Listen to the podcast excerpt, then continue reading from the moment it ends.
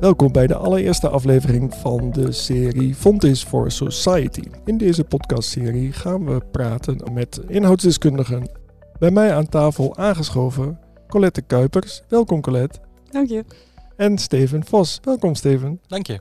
Wij proberen een kort beeld te schetsen van het vakgebied van Steven en Colette. Samen weten zij heel veel. We houden het hier op hoofdlijnen. Mag ik dan het eerste het woord geven aan Colette? Dankjewel, dat mag. Ik ben Colette Kuipers en ik ben als lector recht en digitale technologie verbonden aan de juridische hogeschool Avans Fontis. Mijn vakgebied houdt zich bezig met de implicaties die technologie op de maatschappij heeft en wat voor reguleringsvragen dat oproept.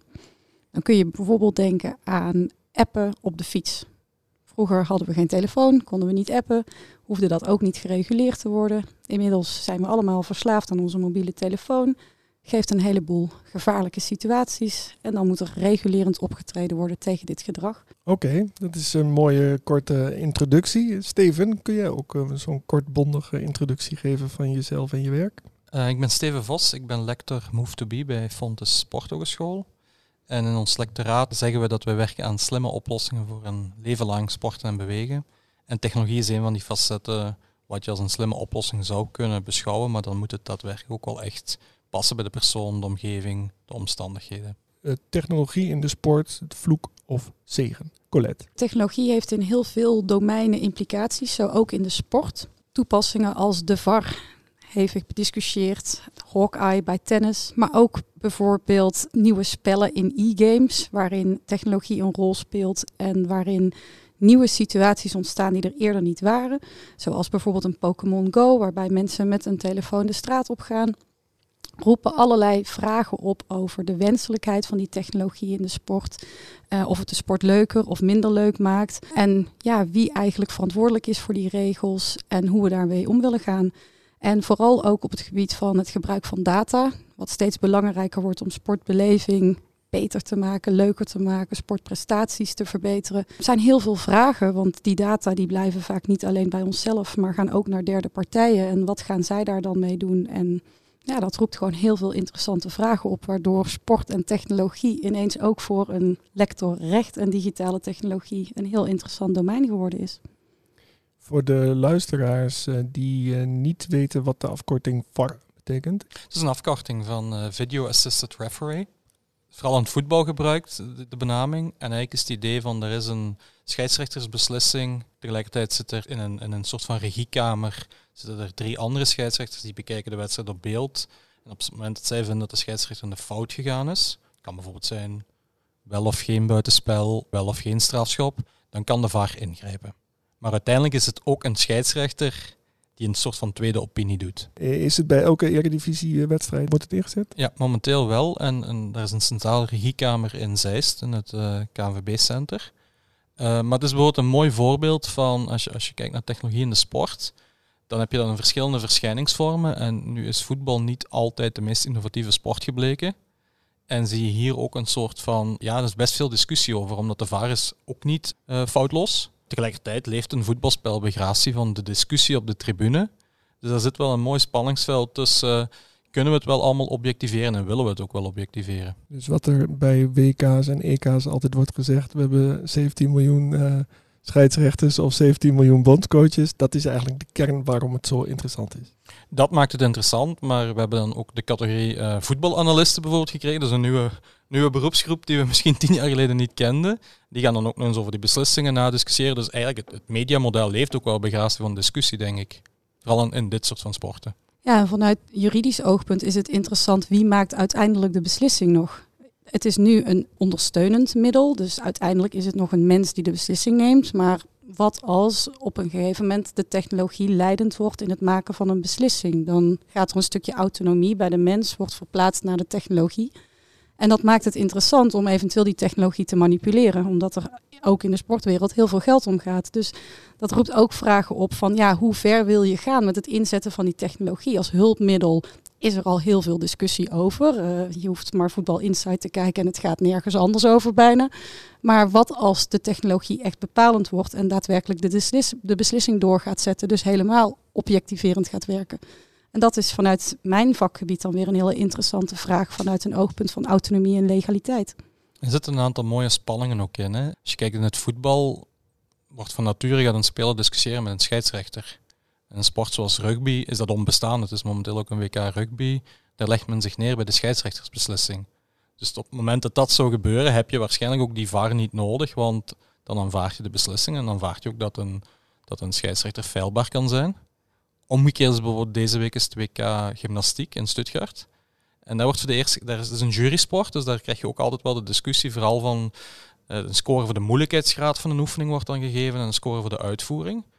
Ja, jurysporten, discussie, is het wel zo, is het niet. En wordt nu geëxperimenteerd bijvoorbeeld met een automatisch systeem, wat eigenlijk de, de moeilijkheidsgraad automatisch probeert te berekenen. Wordt nog niet, nog niet benut om de beslissing te nemen, maar in geval van discussie wordt die wel ingezet. En de verwachting is bijvoorbeeld dat op de Olympische Spelen volgend jaar in Tokio, dat is niet voor niets ook een Japans systeem van Fujitsu, dat het wordt ingezet. En daar zie je altijd de grens tussen de discussie bij gratie van de sport versus het objectiveren en, en ja, hoe ver ga je erin? Hè? En de vraag is, als je straks heel lang moet wachten op een beslissing, dan gaat het ook de dynamiek van de sport weghalen. Aan de andere kant wil je ook fair play. Maar goed, een systeem kan ook gehackt worden, maar goed, dat is meer het werkveld van Colette. Dus daar zitten best wel wat vragen op. Maar goed, dit is een topsportverhaal voornamelijk, waar we het nu over hebben. Leuk. Ik ben heel blij dat je naast voetbal ook een aantal andere sporten noemt. Colette, straks tijdens het hoorcollege. Het zijn de, de, twee of drie belangrijkste facetten die jij eh, de revue wil laten passeren. Nou, mijn achtergrond ligt eigenlijk met name in privacy en gegevensbescherming. En ja, dat is juist een aspect wat je nu heel veel terug ziet komen in de sport en ook vooral bij de amateursport. Het gebruiken van apps en het gebruiken van wearable devices om jouw sportprestaties te verbeteren of te monitoren minder blessures op te lopen, beter te eten, om zo uiteindelijk betere sportprestaties te krijgen. Daarvoor verzamelen deze devices en technologieën en sensoren in kleding en in wearables een heleboel data van jou op basis waarvan zij jou dus sturen en advies geven. Alleen er zijn natuurlijk heel veel andere partijen heel erg geïnteresseerd in die data, omdat op basis van die data, ja, ook vanuit reclameoogpunt, uh, ja, uw schoenen kunnen misschien wat beter. Zou u geen andere schoenen kopen?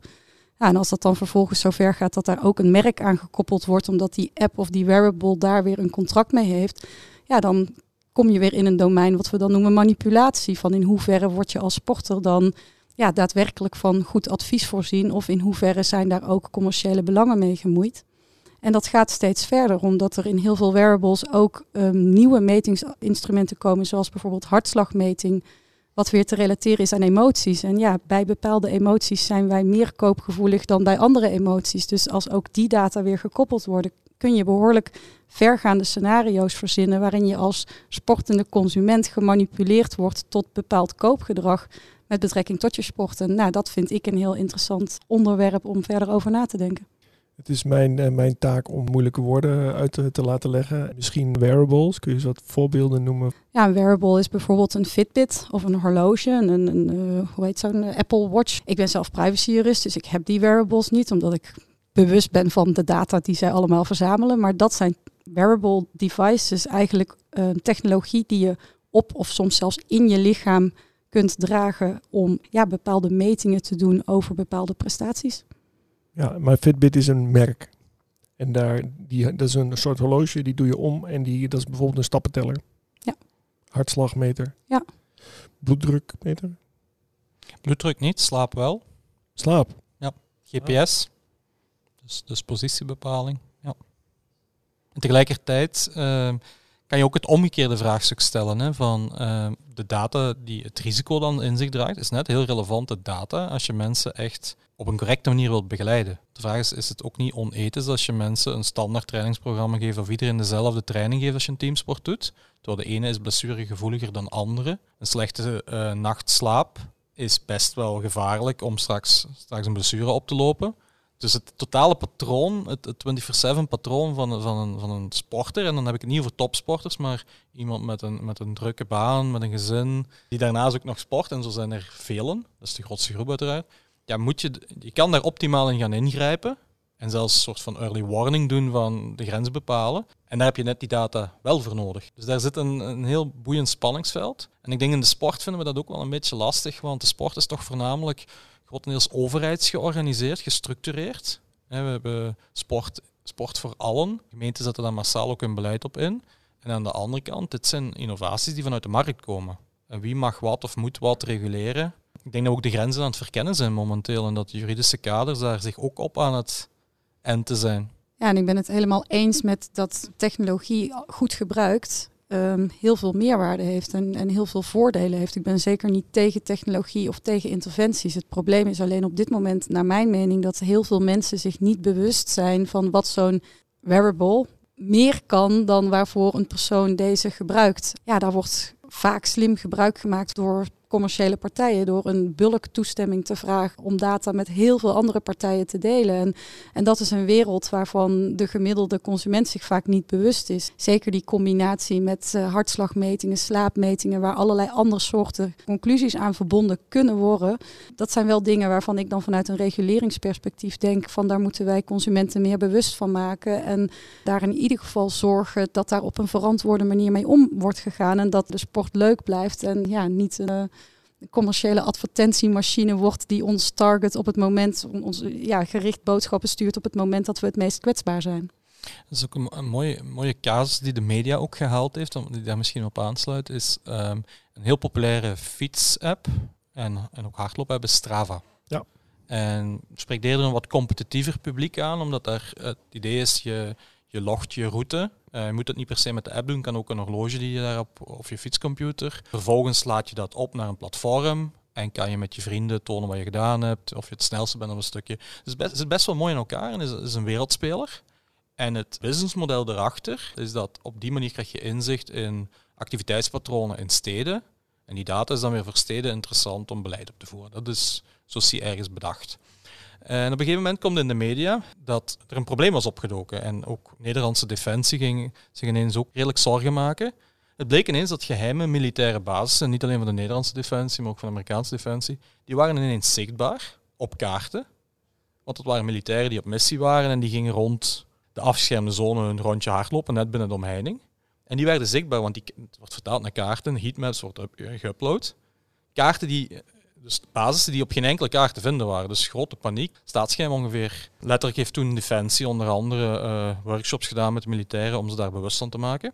Omgekeerd zie je, volgens mij twee maanden later, uh, een oud Nederlandse wielrenner, Steven de Jong, ploegleider van een wielerteam momenteel, die stage is met zijn team. Hij heeft vrij af, hij gaat een, een, een fietstochtje doen in Spanje. En daar is, men hoort er zes uur niets meer van. Uiteindelijk bleek dan dat hij naast de weg was, ongeval gekregen, bewusteloos naast de weg. Maar hij fietste met die Strava-app. En die Strava-app is blijven loggen. Er is massaal ook op Twitter verspreid van, van waar zou die zijn. Ze hebben hem gevonden eigenlijk via dat signaal wat hij naliet. En dan krijg je eigenlijk een soort van dubbel verhaal. Het staatsgeheim wat in gedrang komt, versus, versus iemand zijn leven dat hier... En de vraag is, de twee zijn extreme natuurlijk. Maar dat toont aan de ene kant misschien wel de goede kant en de kwalijke kant van dit soort van dingen. En de vraag is dan opnieuw, ja, ga, je die, ga je dit soort van apps willen reguleren? Waarmee je uiteindelijk misschien dat wel gereguleerd krijgt, maar je misschien een een netto gezondheidseffect, wat er mogelijk wel ontstaat, ook weer eruit gaat halen. Dat zijn best wel mooie casussen, vind ik, om, om de dilemma's te tonen. Ja, ik ken Strava. Ik heb het zelf ook gebruikt. Op een gegeven moment begon dus met hardlopen. En dat ging ik allemaal loggen op Strava. Maar met name in het begin had ik de eerste tien keer niet gedeeld met mijn vrienden. Zo heb ik uiteindelijk de marathon in Valencia, Spanje, wel uitgelopen. Maar daar zit tegelijk denk ik ook wel weer het keerzijde. Want dit is gamification. Hè. Je hebt een leaderboard, je ziet wie eerste staat en dat motiveert. Maar niet voor iedereen. En het gevaar is, je zijn letterlijk net zelf, dat je niet alles toevoegt op het moment dat het niet kon.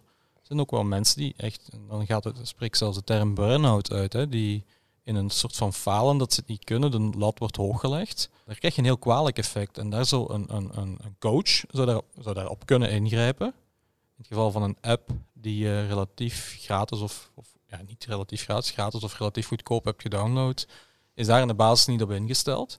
Dus de vraag is opnieuw, ligt het dan bij de producent van die app?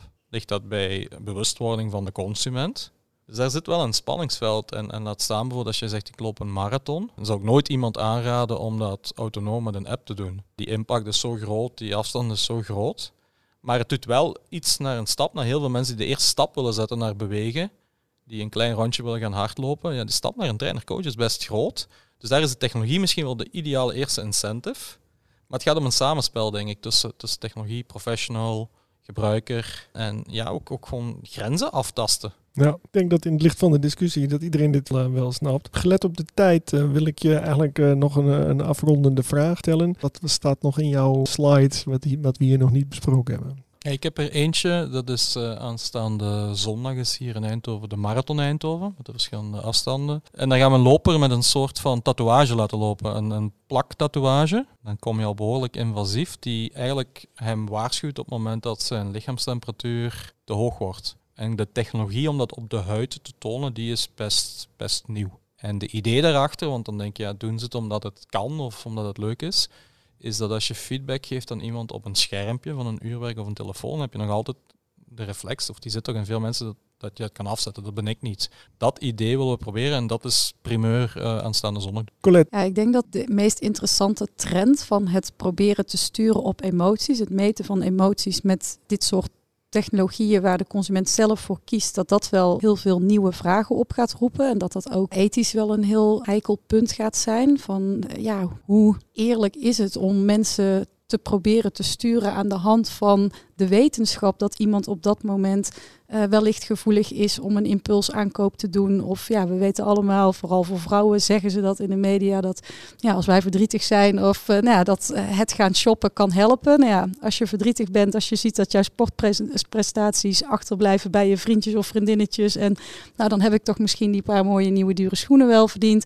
Voor mij is het niet een vraag van goed of slecht, maar voor mij is het een vraag van weet de gebruiker wat er nog meer kan en mogelijk is met data uit die apparaten. En ja, een heel bekend voorbeeld is dat er al moorden opgelost zijn aan de hand van Fitbit-data, maar ook mensen veroordeeld zijn op basis daarvan. En dat zijn niet de eerste dingen waar je bij stilstaat als jij een apparaat koopt om je sportprestaties te meten.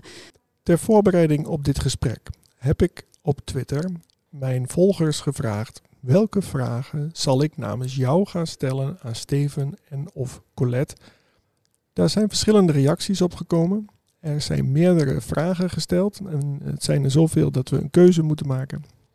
Hoe leren we gebruikers dat technologie het soms quote-to-quote fout heeft? Met andere woorden, hoe leren we gebruikers dat ze zelf moeten blijven nadenken en soms tegen het advies in? Gedragsverandering is vaak het, hetgene waar het over gaat. Als, je, als je technologie voor een actieve leefstijl meer bewegen inzet, dat is iets verschrikkelijk moeilijk. Want achter een menselijk gedrag zit, zit, een, zit een nood, zit een emotie en daarachter zit een behoefte. En die verandert namelijk. Dus, dus uh, je gaat continu moeten variëren. En inderdaad, zo'n gamification element kan leuk zijn om iets aan te wakkeren. Maar gaat, gaat, gaat vervelen op de duur, zoals heel veel dingen in het leven. En dat sluit daarop aan. Ik denk wat je als professional die in dit domein werkt, en dan kijk ik vooral naar de gezondheidscoaches en de leefstijldeskundigen, de beweegspecialisten, en de personal trainer en de trainercoaches ik geloof echt heilig dat je die technologie moet omarmen. Omdat je die prima kan benutten om het open gesprek met je cliënt te hebben. Want je, je cliënt kan tonen wat hij gedaan heeft. Uh, dat is heel vreemd, maar mensen durven zichzelf nogal te bedriegen als je moet vertellen wat je de afgelopen week hebt gedaan. Dat is heel moeilijk om te herinneren ook. Maar je kan van daaruit vertrekken, je kan bepaalde doelen stellen. Maar ik geloof persoonlijk wel heel hard in de rol van een, van een echte persoon, van een professional die daar hand in hand mee gaat. Maar ik denk wel dat we daar een stap moeten gaan zetten om veel bewuster zelf ook met die technologie om te gaan als professional. En, en de grenzen daarvan ook gaan te ontdekken. Misschien eh, zijn dat de mooie wijze woorden van jullie allebei om deze podcast af te sluiten. Ik wil jullie bedanken voor dit gesprek, Steven Vos en Colette Kuipers. Jullie zijn allebei lector binnen Fontis op je eigen vakgebied. Dankjewel. Dankjewel. Binnenkort zijn we terug met een nieuwe Fontis for Society. Hou de social media kanalen van Fontis in de gaten wanneer de volgende zal zijn. Je kunt mij ook gaan volgen. Mijn Twitter handle is Ronald Scheer. Voor alle luisteraars zeg ik graag tot de volgende keer.